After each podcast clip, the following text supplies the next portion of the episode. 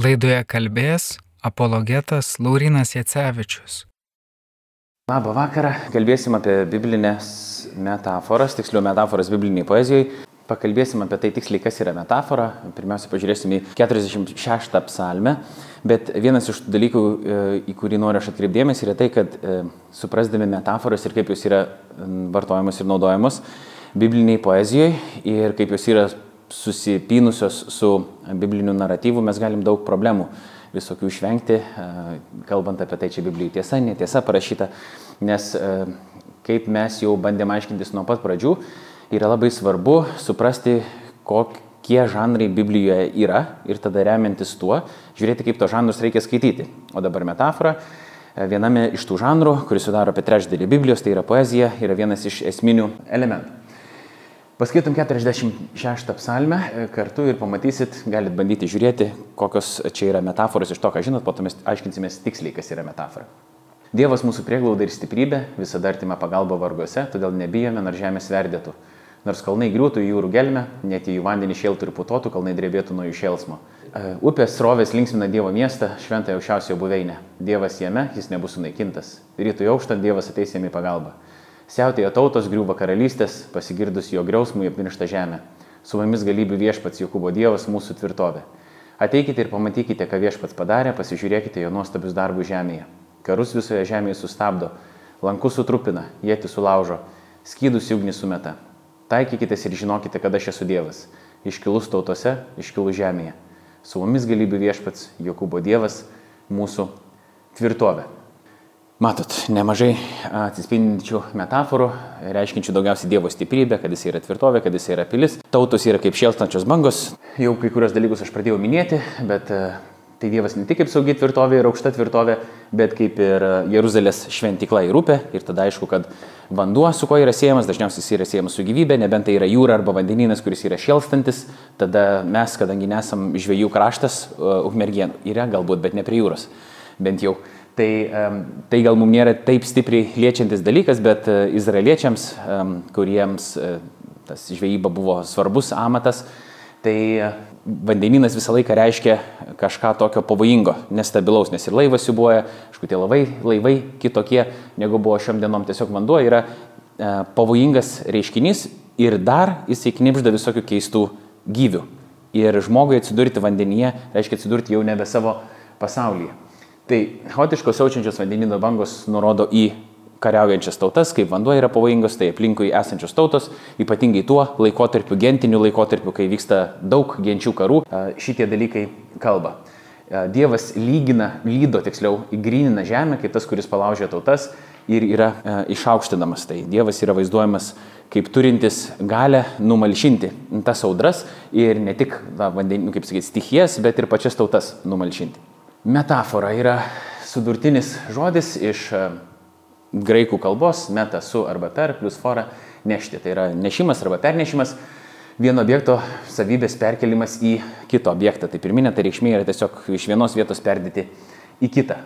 Dabar, kai mes jau kalbam šitam kontekste apie biblinę poeziją, tai yra menas sugretinti, sulyginti arba rasti kažkokią porą. Nu, tokia Janet Sokis pateikė tokią, tokį apibrėžimą, kad metafora yra retorinė figūra, kaip apie vieną dalyką kalbame taip, tarsi kalbėtume apie kažką kitą.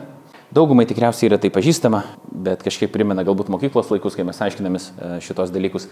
Bet yra neblogai prisiminti, kadangi, kadangi Biblija yra lit literatūra, mokyklai mokėmės, kaip skaityti literatūrą ir ją toliau, kaip sakyti, reikia mokyti skaityti, jei, ypatingai jeigu ta literatūra yra klasika ir kuo daugiau mes turim žinių ir įrankių, kaip tą galim padaryti, tuo mums patiems yra geriau. Čia yra keli retorinių figūrų tipai, vėlgi aš remiuosi Bible Project studijų medžiaga, čia nėra mano kažkokie išrišti ir atrasti dalykai, galima rasti juos internete, anglų kalba.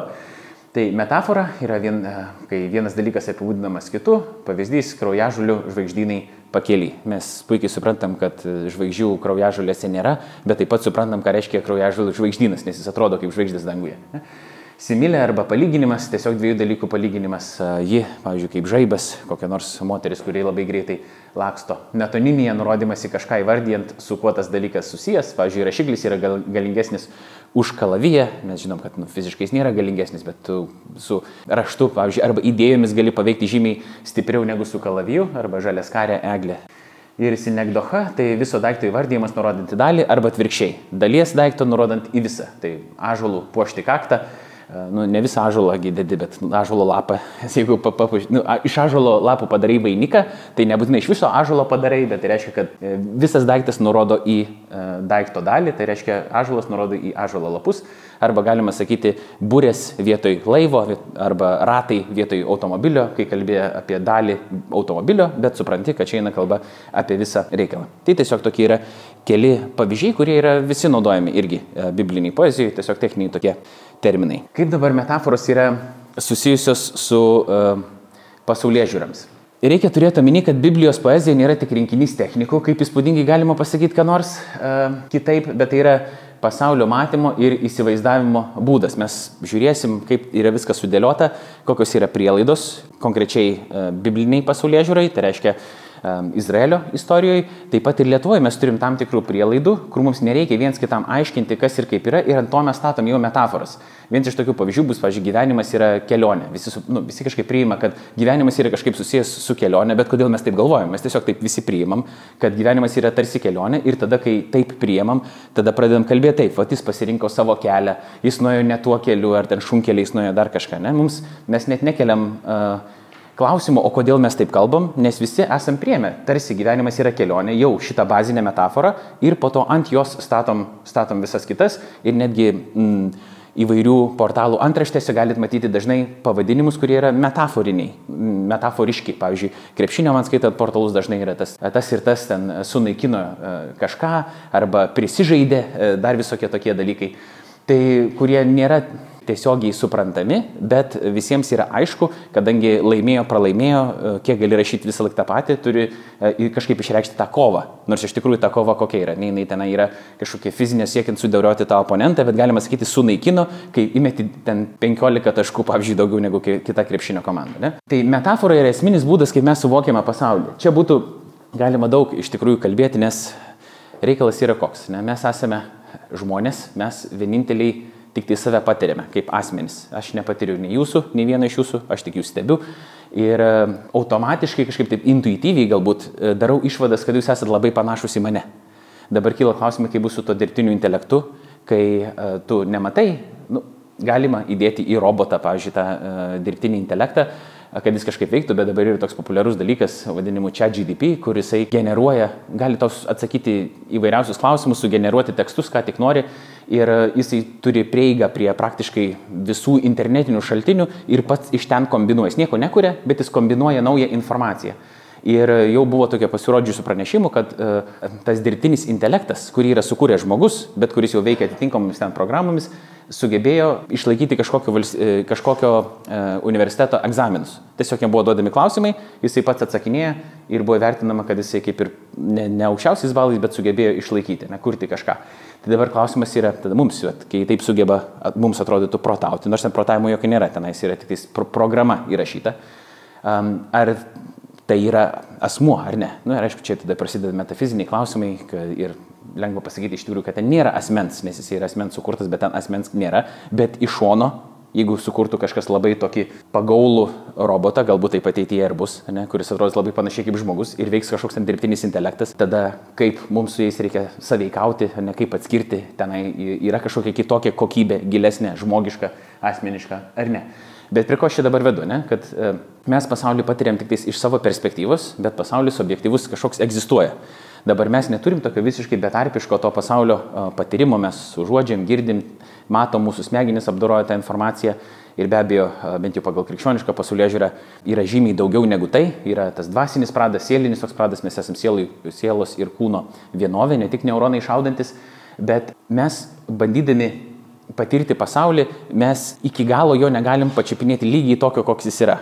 Čia toks filosofas Kantas buvo padaręs problemėlę, kad e, sakęs, kad neįmanoma yra pažinti daikto paties savyje, nes jis visą laiką yra įtarpintas. Tada kiti, plėtodami tas mintis, pasakė, iš vis gal išorinio pasaulio nebėra, tada esu tik aš ir iš vis aš nieko nežinau. Sveikų proto, aišku, mes mąstydami suprantam, kad egzistuoja tas išorinis pasaulis, kažką apie išorinį pasaulį mes tikrai galim pasakyti, yra dalykų, kuriuos mes galim įvardinti, bet ar tas išorinis pasaulis, nu, pavyzdžiui, bitė mato kitaip šitą stalą ar ten mus, ar ne, tai dabar bitė žvilgsnis yra teisingesnis ar mūsų žvilgsnis į tą pasaulį. Tai vėl krikščioniškas sprendimas yra tai, kad ne mes vien tik tai žiūrime tą pasaulį, bet mes turim dievišką tą žvilgsnį per, iš Dievo perspektyvos ir tuo pačiu, kadangi žmogus yra sukurtas pagal Dievo atvaizdą ir panašumą, jis gali apie tą pasaulį Dievo sukurtą kažką irgi tikro sužinoti. Bet vis dėlto dar lieka tokie dalykai, kad mes turim pasitelkti vaizdingą kalbą apibūdinti e, tam tikriems dalykams, e, tam, kad mes geriau galėtumėm suvokti, kas iš tikrųjų, kas iš tikrųjų vyksta. Ten pasakyti, bijau piktų žmonių, arba kad ten tie žmonės yra kaip šėlstančios bangos ir iš principo kaip ir tą patį dalyką pasakyti, bet kad tie, jeigu žinai, ką reiškia šėlstančios bangos ir šėlstant jūra, tada tau tie žmonės, nu, tai, tai šitą metaforą kalba žymiai daugiau, negu kad tiesiog plikas kažkoks tekstas. Dabar einam jau prie tų konkrečiai konceptualių metaforų bibliniai poezijai. Kad suprastume biblinę metaforą, turim suvokti, kad orai, ypač pradžios knygos 10-11 skyriuose, pateikta pasaulyje žiūra. Yra penkios pagrindinės savokos, kuriomis grindžiama dauguma biblinių vaizdinių ir metaforų, iš, kurios, ir iš kurių iš esmės susiformavo Biblijos autorių pasaulyje žiūra. Tai dabar mes žiūrėsim į penkis tokius momentus, kurie, kurios yra tos konceptualios metaforos, ant kurių yra statoma labai labai daug biblinio naratyvo. Ir jie yra labai svarbus dėl to, kad be jų mes tada daug dalykų galim nesuprasti, kas toliau vyksta bibliniai tiek poezijai, tiek bibliniam naratyve. O jie visi yra randami praktiškai pradžios knygai. Tai dabar žiūrim juos tiksliai ir bandom suvokti. Pirma yra metaforinė schema, tai yra kažkokia tokia mintis, ant kurios viskas stovi, o po to jau yra poetinis tekstas, bandantis tą mintį kažkaip atskleisti. Tai ta pagrindinė mintis, kad Kalno sodas šventikla yra ideali būklė. Tai kai skaitom apie Edeną pradžios knygui, mes turėtum suprasti, kad va taip turėtų būti. Čia yra tobulas pasaulis, taip atrodo tobulas pasaulis. Bet dabar kas ten vyksta? Sausa žemė yra Dievo paskirta priebėga nuo pavojaus ir mirties. Nu, jau čia po to, po įtrimimo iš e, Edeno sodo ir dar prieš tai, aišku, kai yra e, viskas kuriama, yra šėlstantis vandenis ir po to Dievas padaro sausumą ir padaro ją gerą gyventi ir taip toliau. Tai pradžios knygoje pirmam skyriui antra eilutė. O žemė buvo padrika ir dika, tamsa gaubė bedugnė ir dvasia iš Dievo dvelkė viršum vandenų. Dvasia dalyvauja kūrime, jinai tvarko tą visą chaosą, o prieš tai yra toks, nu, chaotiška, keista tokia aplinka, kuri yra netinkama žmogui gyventi. Pradžios 1.60 Dievas tarė, te būna skliautas tarp vandenų ir te atsiskiria vandenys nuo vandenų. Dievas padarė skliautą ir atskyrė vandenys buvusius po skliautų nuo vandenų buvusių virš, e, viršum skliauto. Taip ir įvyko. Dievas pavadino skliautą dangumi, atėjo vakaras ir išaušo rytas antroji diena. Dievas tarė, te būna sutelkti vandenys po dangumi į vieną vietą, te pasirodo sausuma, taip ir įvyko. Dievas pavadino sausumą žemę, o vandenų telkinį jūromis. Ir Dievas matė, kad tai yra gera. Dievas tvarko tą hosą, atsiranda sausuma ir Dievas sako, kad tai yra gerai. Antras momentas - Edenas kosminė šventikla kalnas stovi ant sausos žemės. Edenas stovi ne šiaip kažkur jisai plaukioja, skraido dar kažkur. Sausa žemė yra priebėga, jinai yra geras dalykas, jinai yra tvirtas dalykas ir ten yra tas kalnas. Pradžios knygos antras skyrius. Viešpats Dievas užveisė sodą Edene rytuose ir ten įkurdino žmogų, kurį buvo padaręs į žemės. Viešpats Dievas išaugino įvairių medžių, gražių akims ir gerų maistų su gyvybės medžiu sodo viduryje ir gero bei pikto pažinimo medžiu. Upė išsilieja Edene sodui drekinti, iš sodo jis skiriasi į keturias upes. Dievas ne tik uh, sutvarko tą chaosą, įkuria tvirtą žemę, bet užveisia ten sodą, kuris yra toks ir klėstėjimo simbolis, gyvybės simbolis ir iš jo teka ta upė išsilieja Edene ir iš jo jinai teka ir po jinai įsiskirsto į dar daugiau upių, skleisdama dar daugiau gyvybės. Jeruzalės šventikla ir ant Siono kalno yra simbolinis Edenas. Dabar jau ta geografinė vieta, kaip įsivaizduoja bibliniai autoriai, ta šventikla pirmoji pastatyta, kurioje Dievas būna savo visa jėga, šlove, ne, jinai yra simbolinis Edenas. Ta šventikla, jinai turi labai tamprę sąsąją su tuo, kas yra e, Edeno sodas. Išėjimo knygos skaitom taip, savo ištikimą meilę vedėjai tautą, kurią išpirkai, savo galėjos lydėjai į savo šventąją buveinę. Tu juos įvedai ir pasidinai savo paveldo kalne, toje vietoje viešpatė, kurią padarai savo buveinę, toje šventykloje viešpatė, kurią pastatė tavo rankos. Jolio knygoje puskite ragas Jonė, skelbite pavojų mano šventajame kalne. Te dreba visi kraštų gyventojai, ateina gausi ir galinga kariauna, priešais juos kraštas tarsi Edeno sodas, o žiū apleisti tyrlaukiai. Tai vėlgi, mes turim Edeno sodą ir tada Edeno sodo simbolį arba simbolinį Edeną, tai yra Jeruzalės šventyklą. Ir po to jau, kai kalbam apie šventyklą, tada atsiminam kitus momentus, kad Jėzus sako, kad jis yra šventykla, sako, sugriaukit šitą šventyklą, aš per tris dienas jas atstatysiu, po to, kai sėkminių diena ateina ir iš yra išliejama šventoji dvasia, po to apaštalas Paulius rašo, kad jūs esate jau Dievo šventykla, mes esame tarsi mobilios tokios šventyklos ir, ir taip toliau. Tai čia visi tie dalykai yra susiję. Jeruzalė yra įtvirtintas miestas, todėl gali būti lyginamas su Dievu. Čia yra metonimija. Viešpats didis ir labai vertas šlovės mūsų Dievo mieste. Jo šventas kalnas, aukštas ir gražus, yra viso žemės džiaugsmas. Jono kalnas, Cofano viršūnė, didžiojo karaliaus miestas. Dievas parodė, kad saugu su juo miesto tvirtovėse. Dar galbūt galima daugiau skaityti apie tai, bet mintis yra tai, kad Jeruzalė panaši yra į Dievą tuo, kad jinai yra įtvirtintas miestas ant kalno, ten stovi šventikla, tenais yra Dievo šlovė ir Dievas yra karalius, ne tik karalius, bet jis yra ir tarsi pilis ir tvirtovė. Įtvirtinta. Dabar antra konceptualinės schemos dalis, kuria vadovaujasi bibliniai autoriai, yra tai, kad pavojus ir mirtis yra šėlsantis vandenis, o saugumas ir gyvybė yra Edeno upė. Nors ir ten, ir ten yra vanduo, bet yra skirtumas. Ne? Nes vienas vanduo yra šėlstantis, pavojingas, platus, didelis, neaiškus, o kitas yra tekantis ir teikiantis gyvybę. Plus jūrą dar galima pridėti, nors pradžioje taip nesakė, čia aš dabar improvizuoju šiek tiek, surus vanduo, ar net jis yra kitoks, jo gerti negali, o tas, kuris uh, gyvas, nu jisai teka, jisai niekada nestovi, jisai palaisto, prie jo auga medžiai ir taip toliau. Dikiniai ir šėlsantis vandenys yra esminiai anti-edeno įvaizdžiai. Čia yra labai įdomu, nes ne tik vanduo, ne, pats, ne pati substancija, bet tikriausiai reikėtų sakyti pobūdis, nes yra ir ledo dikumų, o ledas kas yra? Tiesiog sušalęs vanduo. Ne? Tai yra ir ledo dikumų, ir šiais laikais pasaulyje yra ir smėlio dikumų, bet tai yra iš principo dikinė. Ne? Tai Tai va šitie du dalykai, kai eina kalba apie dykumą, nu, vienokią ar kitokią dykumą, arba to šėlsančius vandenis, tai bent jau mums, skaitant biblinį naratyvą ir biblinę poeziją, turėtų byloti apie tai, kad tai yra kažkas priešiško tam, ko Dievas norėjo, tai idealiai būkliai. Tai reiškia Edenui. Pradžios pirmas skyrius ant eilutė. Žemė buvo padrika ir dika, tam saugobė bedugnė ir duošiais Dievo dvelkiai viršum vandenų. Toliau, kai žemės laukose dar nebuvo jokių krūmokšnių ir dar nebuvo uždygusi jokia laukų gėlė, nes viešpats Dievas dar nebuvo siuntę žemė lietaus, ir žmogaus dar nebuvo dirbai arti tik versmė, trykždavo žemės ir drekindavo visą dirbos paviršių. Tuomet viešpats Dievas padarė žmogui žemės dulkių ir įkvėpė jam iš nervės alsavimą, taip žmogus tapo gyva būtybė. Viešpats Dievas užveisė sodą Dene rytuose ir ten įkurdino žmogų, kurį buvo padaręs, iš žemės viešpats Dievas išaugino medžių, įvairių medžių gražių akims ir gerų maistui su gyvybės medžių sodo viduryje ir gero bei pikto pažinimo medžių. Upė įsilėja Edene sodui drekinti, už sodą skiriasi į keturias upes. Tai Edene upė yra viena, tačiau jinai išsiskiria į kelias, kurios po to eina ir į Egiptą, plaukia į Egiptą ir Mesopotamiją, Babiloną ir Asiriją. Žmonės sode taip pat e, tebėra viena, tačiau palikę sodą jie tarsi pasidalyja. Ne, kaip upė išsisklaido iš ten, taip ir žmonės pasidalyja. Tautos konkrečiai Egiptas ir Babilonas bei Asirija tapatinami su už sodo siaučiančiais vandenimis, o tai reiškia pavojų. E, ir daug apie tai galima skaityti e, Biblijoje, kai psalmistas ar pranašas, dar kažkas tapatina tas aplinkinės tautas, kurios yra pavojingos jiems patiems tiek asmeniškai, tiek kaip tautai e, su siaučiančiais vandenimis. Išėjimo pasakojimas e, šėlstančius vandenys susijęs su priešiškų tautų e, antpoliais. Tai šitą puikiai irgi pasakojimą. Atsimenat, kad faraono kovos vežimus ir kariuomenį nublaškė jūrą, Nendrių jūroje paskandino jo geriausius vadus ir čia yra toliau tokia ta gesmė, pasakome apie tai, kaip tie šėlsantis vandenys patys užgriovė tos, kurie bando elgtis kaip šėlsantis, e, šėlsantis vandenys. Dar porą pavyzdžių iš e, šito antro punkto. Egiptas, e, vadinamas taip pat ir Rahaba, tampa šėlstančios jūros įvaizdžiu. Viešpats mano ola, mano tvirtovė, mano gelbėtojas, mano Dievas, mano ola, kur randu pastogį, mano skydas, mano išganimo jėga, mano pilis, šaukiausi viešpatė šlovingojo ir buvo išgelbėtas nuo visų priešų.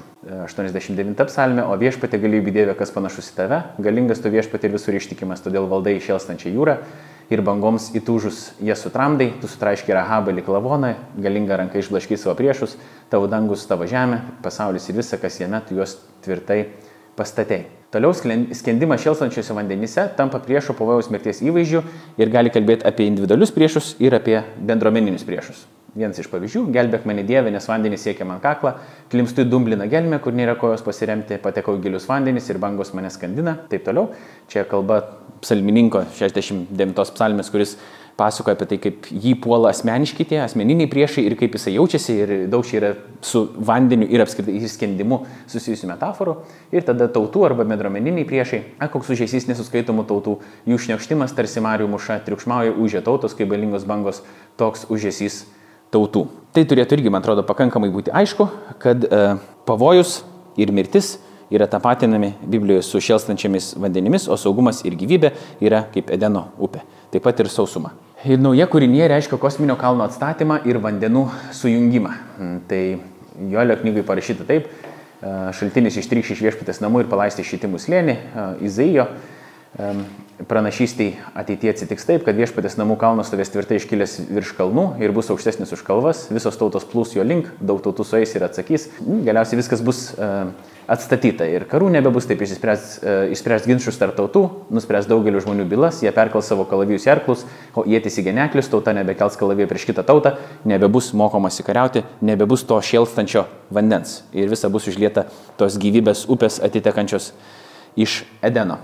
Įdomus trečias momentas gyvūnų mylėtojams, kad e, idealus šalom buvis, tos taikos ramybės buvis yra žmonija santokoje su gyvūnyje, nes kaip irgi vienas iš dalykų galbūt ką pamiršta kai kurie mąstydami apie krikščionišką tą sampratą pasaulio yra tai, kad atstatymas viso ko ir atkūrimas Dievas sutaikina su sam pirmiausia taip žmogų, kuris yra sukurtas pagal atvaizdą ir panašumą jo, tiksliau pagal atvaizdą, nereikėtų sakyti pagal panašumą, nes čia man gavau pastabą, kad čia vienoje vietoje parašyta pagal panašumą, bet kai sukūrė, tai tik pagal atvaizdą sakė. Žmogus yra sukurtas pagal Dievo atvaizdą, jis yra um, kokybiškai kitokia būtybė negu gyvūnai, čia irgi tą patį pamatysim, bet kad Dievas, kai jisai pasileidžia į šitą misiją gelbėti pasaulį, jis atperka visą kūrinyje, jis atstato viską. Ne tik atstato žmogų, bet atstato ir tą pasaulį, kuriame jisai gyvena. Ir bus nauja Jeruzalė, tas naujasis miestas, kuris ateina iš dangaus. Tai yra nu, tokia šlovinga viso ko atkūrimo vizija. Ir tada galiausiai mes skaitom, taip pačiu, man atrodo, ir Izaijo pranašystai, kad, bijau dabar suklysti, bet e, skaitom apie tos momentus, kaip žmonės ir gyvūnai gyvens kartu santaikoje ir darnoje. Ne? Bet tai vėlgi čia yra metafora. Čia aš, aš tiksliai nežinau apie tai, kaip ten kas išsigros, ne?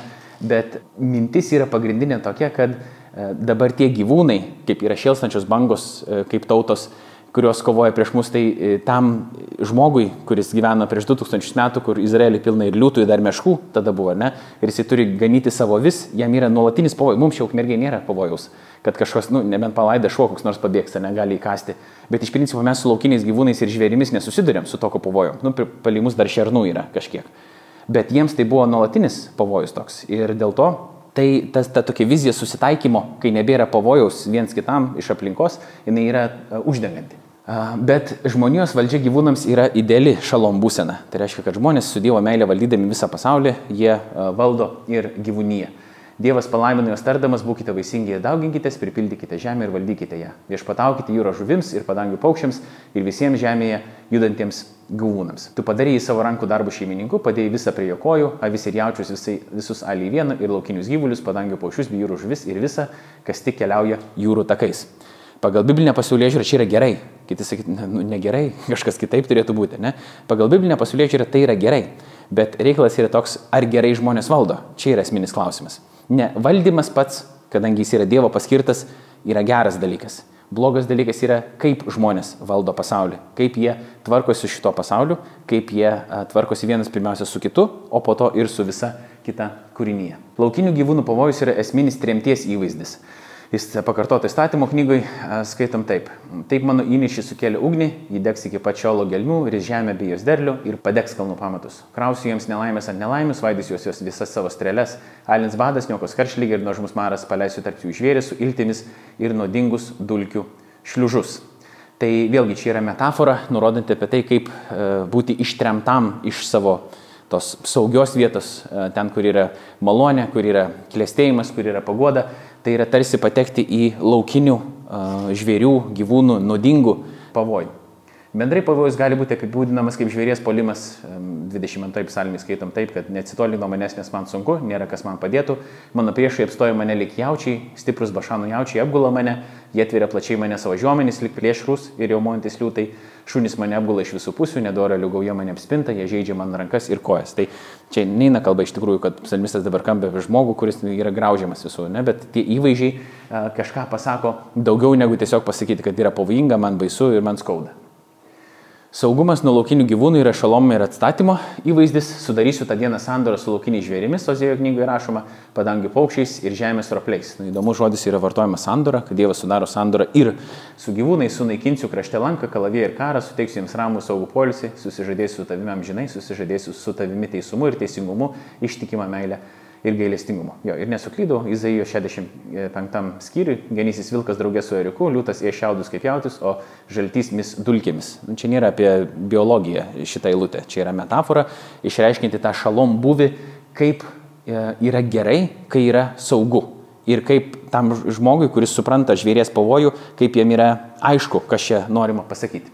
Ir kadangi Bible Project šūkis yra, kad Biblija yra vientisas pasakojimas vedantis prie Jėzaus ir jie bando padėti mums tai patirti, tai um, yra tos pačios mintis, kurios atsikartoja ir Jėzuje kaip naujajam Adome ir kuriejuje Dieve. Dabar jeigu mes suprantam, ką daro Senajame testamente Dievas, kuriejas Dievas, kaip jisai elgesi, ir tada skaitom panašius labai žodžius apie Jėzų, tai matom tą tapatinimą Jėzaus su Izraelio Dievu Jahve. Morkaus pirmam skyriui parašyta taip. Tomis dienomis atėjo Jėzus iš Galilėjos Nazareto ir Jonas jį pakrikštijo Jordane. Vos tik išbridęs iš vandens, Jėzus pamatė atsiverinti dangų ir dvasį, tarsi balandį nusileidžiančią ant jo. Ir iš dangaus pasigirdo balsas, tu mano mylimasis sunus, aš tavimi geriuosi. Netrukus dvasiai pakino nukeliauti į dykumą, jis praleido dykumoje 40 dienų šito nugundumas, buvo kartu su žvėrimis ir angelai jam tarnavo. Du momentus esam čia pažymėję, tai pakino nukeliauti į dykumą ir buvo kartu su e, žvėrimis, nu, tai reiškia, dykuma yra ta vietovė, kurioje yra pavojinga, sunku ir tenai yra, prieš, ir ten yra priešiška um, aplinka. Morkaus ketvirtas skyrius tą pačią dieną atėjus vakarui jis tarė mokiniams irkitės vieną pusę, atleidė žmonės, jie taip jį ir pasėmė, kaip jis valtyje sėdėjo. Draugė plaukė kelios kitos valtis, tuomet pakilo didžiulis viesulas ir bangos ėmė lėtis į valtį taip, kad valtį jau sėmė. Jėzus buvo valties gale ir mėgojo ant pagalbės. Mokiniai pažadino šaukdami mokytojų, tau nerūpi, kad mes žuvame. Atsibūdęs jis sudraudė vėją ir sakė ežerį, nutilk, nurimk. Taip pat vėjas nutilo ir pasidarė visiškai ramu. O Jėzus tarė, kodėl jūs tokie bailūs, argi jums nepestinga tikėjimo. Jos pagavo didį baimę ir jie kalbėjo vienas kitam. Kasgi jis toks, net vėjas ir Marius jo klauso. Tai yra nu, vėlgi, e, mes tai priimam tokią kaip stebuklinę istoriją, kad kaip taip gali būti dabar, kad žmogaus balsu ten įvyko kažkokie fizikiniai reiškiniai, bet čia yra žymiai daugiau tuo pasakyta. Tai yra tuo pačiu ir metaforinė kalba, kalbanti apie tai, kad Jėzus, jis yra tas kuriejas Jahve, kuriam paklūsta stichijos, kuris gali sutramdyti tos chaotiškus e, vandenis ir matosi, kad Jėzaus mokiniai taip pat ir stebisi. Kiek klausė to retorinio klausimo, tarsi galbūt ir norėtų atsakymo, bet jie jau gauna tam tikras išvalgas. Ketvirtas momentas šitoje schemoje yra tai, kad Dievo valia yra e, Edeno sodo idealas. Tai, tai yra tai, ko Dievas e, trokšta pasauliui, tai yra atkurti, atstatyti Edeną. Tai tam, kad mes suprastum, ko Dievas nori pasaulį, mes turim žiūrėti tada atgal, kaip buvo ir koks yra Dievo siekinys. Edeno upė yra Dievo aprūpinimas palaimintų gyvenimu. Pavyzdžiui, laimingas, kas atmeta nedoralių patarimus, kas neina nusidėjėlių keliu ir nebendrauja su pašaipūnais, bet džiaugiasi viešpatys įstatymu ir masto jo įstatymą dieną ir naktį. Jis lik medis pasodintas prie tekančių vandens, duodantis vaisių laiko atėjus, o jo lapai nevysta, kad ką jis darytų, jam sekasi. Čia buvo iš pirmos psalmės. Iš 13 patarlės išminčiaus torą, gyvenimo šaltinis, įgalinti išvengti mirtinų pinklių. Po to Jeremijo knygoje yra parašyta irgi taip, koks yra žmogus prakeiktas, kuris ieško stiprybės trapiame žmogė nusigrėžė nuo viešpatį, sulaimingas tas, kuris pasitikė viešpačiu ir jo viltis yra viešpats. Ir paskutinis iš tų penkių momentų yra santoka kaip sandoros atspindys ir simbolis. Čia yra vienas iš tokių galbūt esminių momentų ir kalbant apie tai, ką reiškia tos avinėlio vestuvės ir koks yra galutinis tas tikslas susivienijimo ne žmogaus ir to dieviškosios ir žmogiškosios plotmės, nes galiausiai kokį mums vaizdinį piešia Biblija, to amžino gyvenimo, buvimo kartu su Dievu ir naujosios kūrinijos, tai yra baliaus iš principo. Tai yra didelis balius, su maistu, su džiaugsmo daug, su ramybės daug, su pokilio vadovas jau pats jisai ateina, ne visako sukūręs, sukvietęs visus ir juos vaišina, su jais džiaugiasi ir taip toliau. Jahvės garbinimas yra lygus santokiniai ištikimybei. Jeremijo knygai parašyta taip, iki Jeruzalėje paskelbk, kad išgirstų, taip kalba viešpats, aš atmenu ištikimą tavo jaunystės meilę, kai tu mane mylėjai, būdama sužadėtinė, sekdama paskui mane per dykumą ir nesėjama žemę. E, iš Ozėjo labai daug reikia skaityti, dėl to neskaitysiu, bet e, visa Ozėjo knyga yra iš principo apie tai, kaip Dievas pašaukė pranašą Ozėją ir jiem liepia pasimti žmoną prostitutę. Ir e, sunku, be galo jam sunki misija, čia daug kas nori būti pranašais, bet toks kaip Ozėjas mažai gal kas norėtų būti. Ir visa mintis yra ta, kad e, Dievas naudoja Ozėjo gyvenimą ir po to mes kaip skaitom tą naratyvą apie jo gyvenimą, tam, kad parodytų, kaip jisai myli savo tautą, kuri iš principo yra kaip Ozėjų takekšė, kuri yra paleistuvė, kuri miega su kitais vyrais, bet jisai vis tiek yra ištikimas jai. Tai va Dievas, kaip Ozėjas, turi mylėti tą kekšį, sako, aš taip myliu savo tautą ir aš jūsų nepaliksiu, nors jūs kekšavot su kitais dievais. Nu, o kokia ta kekšystė yra? Kitų dievų garbinimas. Bet čia yra sandoros, kaip sakyt, sandoros palaužimas, sandoros paniekinimas, tai tarsi vestuvinių, kaip santokinių įžadų sulaužimas. Stambeldystė yra lygiai paleistuvystė, čia dabar šitos dalykus ką tik vardinau. Pralaimėjimas priešams yra, ir tremčiai yra lygus mm, skyryboms. Mm, vėl Ozėjo knygai rašoma taip. Viešpats tarė man eik ir mylėk savo moterį, turinčią mylimą ir svetimaujančią, kaip viešpats myli izraelitus, nors jie ir grežiasi kitus dievus ir mėgsta razinų papločius. Čia irgi toks religinis simbolis, šiandien ne šiaip, kad jie valgyti mėgsta kažką, bet tai yra susiję su kitų tautų dievais ir religiniam apieigom. Tuomet pirkau ją už 15 sidabro šekelių ir Homerą su Letechu mėžiu. O jei pasakiau, tu pasiliksi su manimi ilgą laiką ir nebeselgsi kaip kekšė, nebeatsiduosi jokiam vyriškiui, nei man. Juk izraelitai pasiliks ilgą laiką be karalius ir didžiūnų, be aukų ir šventųjų stulpų, be fodo ir terafimų. Paskui izraelitai sugrįž, ieškos viešpatę savo Dievo ir Dovydo savo karaliaus. Paskutinėmis dienomis jie arštintis prie viešpatės e, ir jo gerumo su pagarbos kupina baime. Mes žinom, kad tremtis e, Izraelio įvyko dėl to, kad buvo nemenkai nugrybauta irgi iš šono ir tai buvo tarsi nu, lygus skyryboms, kai jie buvo išsivesti ir po to netgi e, atiduoti tarsi kitiem dievam, bet Dievas galiausiai juos susigražina. O sandoros atstatymas yra lygus atnaujintai sandorai, apriškimo knygai, žinomos jau eilutės 21 skyriui. Aš regėjau naujo dangų ir naują žemę.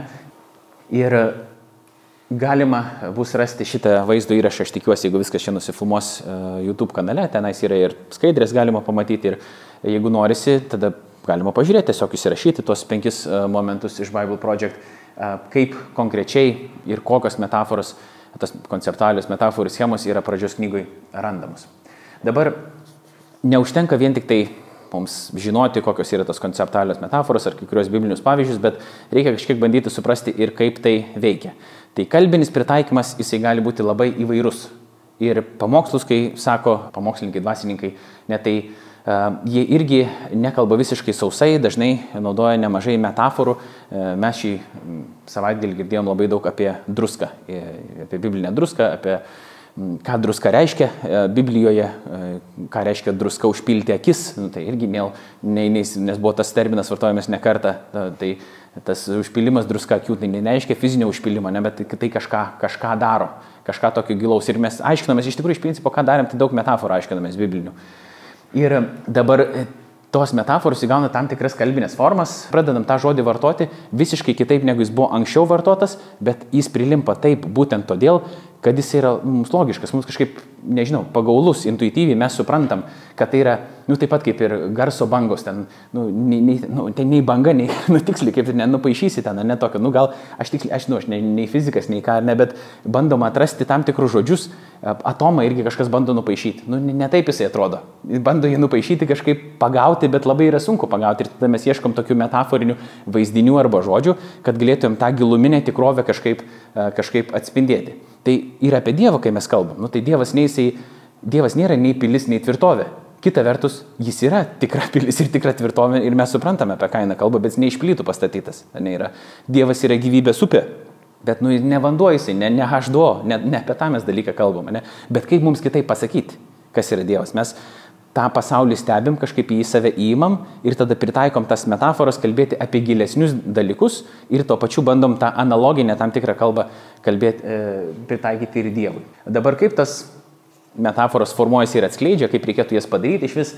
Tai galima imti teigiamas uh, savybės kažkokios, kurios turi tam tikrą nei, natūralų tinkamumą, reikia atmesti neigiamas momentus, tas savybės, kurios aiškiai netinka, nu, pavyzdžiui, ten bananas yra mirtis, labai sunku suprasti, kaip ten tiksliai siejasi, tai jeigu tu nori padaryti iš kažko metaforą, tai reikėtų kažkokios sąsajos, kad egzistuotų kažkokia sąsaja, kaip akmuo arba uola siejasi su Dievu. Ne? Tai yra dalykų, kokie yra panašus, tada atrodo mums. Dievas yra tvirtas, Dievas yra amžinas, jisai nesikeičia. Nu panašiai kaip akmuo. Ne, akmuo yra kažkas tokio, kuris yra tvirtas, jisai nesikeičia, jisai yra stabilus. Nu tai, va, tai toks dalykas yra panašus, bet Dievas jisai nėra materialus. Nu, tai šitą akmens savybė jau netinka. Tai mes, kai kalbam apie Dievą kaip apie akmenį arba apie, kaip apie uolą, mes nekalbam apie kažkokį daiktą, kuris yra fiziškai apribotas. Bet kai kurios kitos savybės tinka ir jos persi, persidengia. Ir tada yra kažkokios neutralios uh, savybės, tai funkcijos, kurios yra akivaizdžios ne iš karto, bet gali atverti naujų galimybių suprasti. Tai čia jau pavyzdžių dabar konkrečiai aš nerasiu, bet galit patys pagalvoti.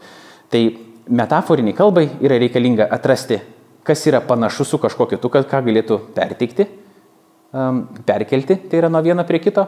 Tada kokie dalykai tiksliai netinka ir čia niekaip iš to metaforos nepagaminsi ir būtų neteisinga. Nu, pavyzdžiui, Sutrybė yra toksai pavyzdys, e, negeras, nes daug kas naudoja metaforą, nu irgi sutrybė reikia nu, vartoti metaforinę kalbą, bet tada žmonės pradeda sakyti, kad nu, Dievas yra panašiai kaip kiaušinis. Ten, pavyzdžiui, nu, jis turi lūkštą, turi trynį e, ir turi baltymą, dėl to, kad yra trys dalis. Nu, panašu yra tik tiek, kad trys dalis, visi kiti dalykai absoliučiai yra nepanašus. Tai šitą metaforą e, neipatingai tinka, bet mes suprantam, kad tiesiogiai Dievo mes negalim kažkaip pavadinti, tai bandom atrasti e, trybės įvardinti, dėl to bandom atrasti kažkokių dalykų, kurie galėtų tikti, bet reikia būti su jais atsargiais dėl to, kad kai kas gali tikti ir persikelti, o kai kurie dalykai tiesiog netinka ir dėl to, kad jie netinka, jie gali netgi dar labiau paklaidinti. Aš atsimenu pirmą kartą vaikystėje, kai išgirdau, kad uh, Jėzus atsisėdo Dievo tėvo dešinėje ir sakė, uh, nu, nei jisai ten sėdi, nei jisai stovi, nei jisai atsiklaupęs yra. Tai nėra fizinis apibūdinimas. O aš buvau vaikas Ir man buvo nesuprantama. Ir aš tada pirmą kartą tikriausiai va taip pagavau bibliniai toj kalboje metaforą, kad čia yra būdas pasakyti, kad Kristus yra išaukštintas, o ką, ką reiškia atsisės dešinėje. Tai reiškia, kad jis karaliaus kartu, jis yra bendra valdovis, jis yra bendra valdys, o ne tai, kad jisai realiai sėdi, kažkur atsisėdęs. Ne? Bet jeigu mes taip suprimityvinam tą kalbą ir bandom įsivaizduoti, kad čia yra jau, nu tiesiog fizinis apibūdinimas tos dvasinės tikrovės, kuri nepasiduoda va taip, plikai akiai, tada mums gali pasirodyti keista. Bet pavojus yra tame, kad kai kuriuos dalykus tada žmonės gali pradėti metaforizuoti visai. Pavyzdžiui, Kristaus prisikėlimas, sako, čia yra metafora dvasiniam prisikėlimui, atgimimui. Bėda yra ta, kad tas naratyvas Kristaus prisikėlimo, jis nėra poezija. Čia vienas dalykas. Kitas dalykas vartojamas žodis anastasis reiškia atsistoti iš naujo, atsikelti. Ir jis niekada nėra suprantamas kaip dvasinis dalykas. Čia Antiraitas toks teologas sako. Tai ne, ne, nu, negalima iš bet ko padaryti metaforos, ko tik nori. Dėl to reikia suprasti, kaip skaityti Bibliją, kokie yra žanrai, kokiuose žanruose, kokie dalykai veikia. Nes kiti tada, nu, ir krikščionių ratuose atsitinka taip, kad vieni uh, nori laikytis biblinės tiesos ir dėl to sako, reikia viską skaityti pažodžiui. Nes kitu atveju neaišku, kur sustoti. Ir jeigu neaišku, kur sustoti, tada geriau viskas eiti pažodžiui. Ne? Ir jeigu aprieškimo knygoje sako, kad ateis ten siaubūnas iš jūros, tai reiškia, o taip mes ir įsivaizduosim, kad klaipėdai, nežinau, išnirs kažkoks vatsiu. Ne apie tai eina kalba, ne? Bet, bet kadangi žmonės tada jau bijo, nežino, kur čia kaip ką reikia daryti, tai tada galbūt bus saugiau, jeigu mes viską paimsim pažodžiui. Bet tai yra būti neištikimam bibliniam tekstui ir bibliniam žanrams ir autoriaus užmanimui. O kiti tada sako, tai čia viskas metafora, čia interpretuoja kaip nori, tada iš Jėzus ką nori padaro, iš Biblijos ką nori padaro, nebelieka iš vis istorinių naratyvų, kažkokių lieka tik tais kažkokie pavyzdžiai ar vien metaforos, nu tai irgi netiesa. Tai literatūra, Dievas mums pasirinko save preikšti krikščionių požiūrių bent jau tokiu, nu įdomiu būdu, duoti knygų rinkinį, irgi, nu ne tik, aišku, jis davė mums ir kūrinyje, jisai Dievo prieškimas yra Jėzuje Kristuje, tai jo pilnatvė, bet jisai pasirinko ir e, tokį būdą, kuris yra pakankamai unikalus, nes ne visoms e, religinėms sistemoms, pasaulyje žiūros sistemoms ar tikėjimams yra reikalingi raštai, o krikščionims ir judėjams raštai visą laiką buvo reikalingi. E, Korane krikščionys, vadinami, krikščionys ir žydai yra vadinami knygos žmonėmis, dėl to, kad jiems ta knyga tokia svarbi. Ir e, žydai, ir krikščionys visą laiką norėjo mokyti žmonės skaityti tam, kad jie galėtų to savo raštus suprasti.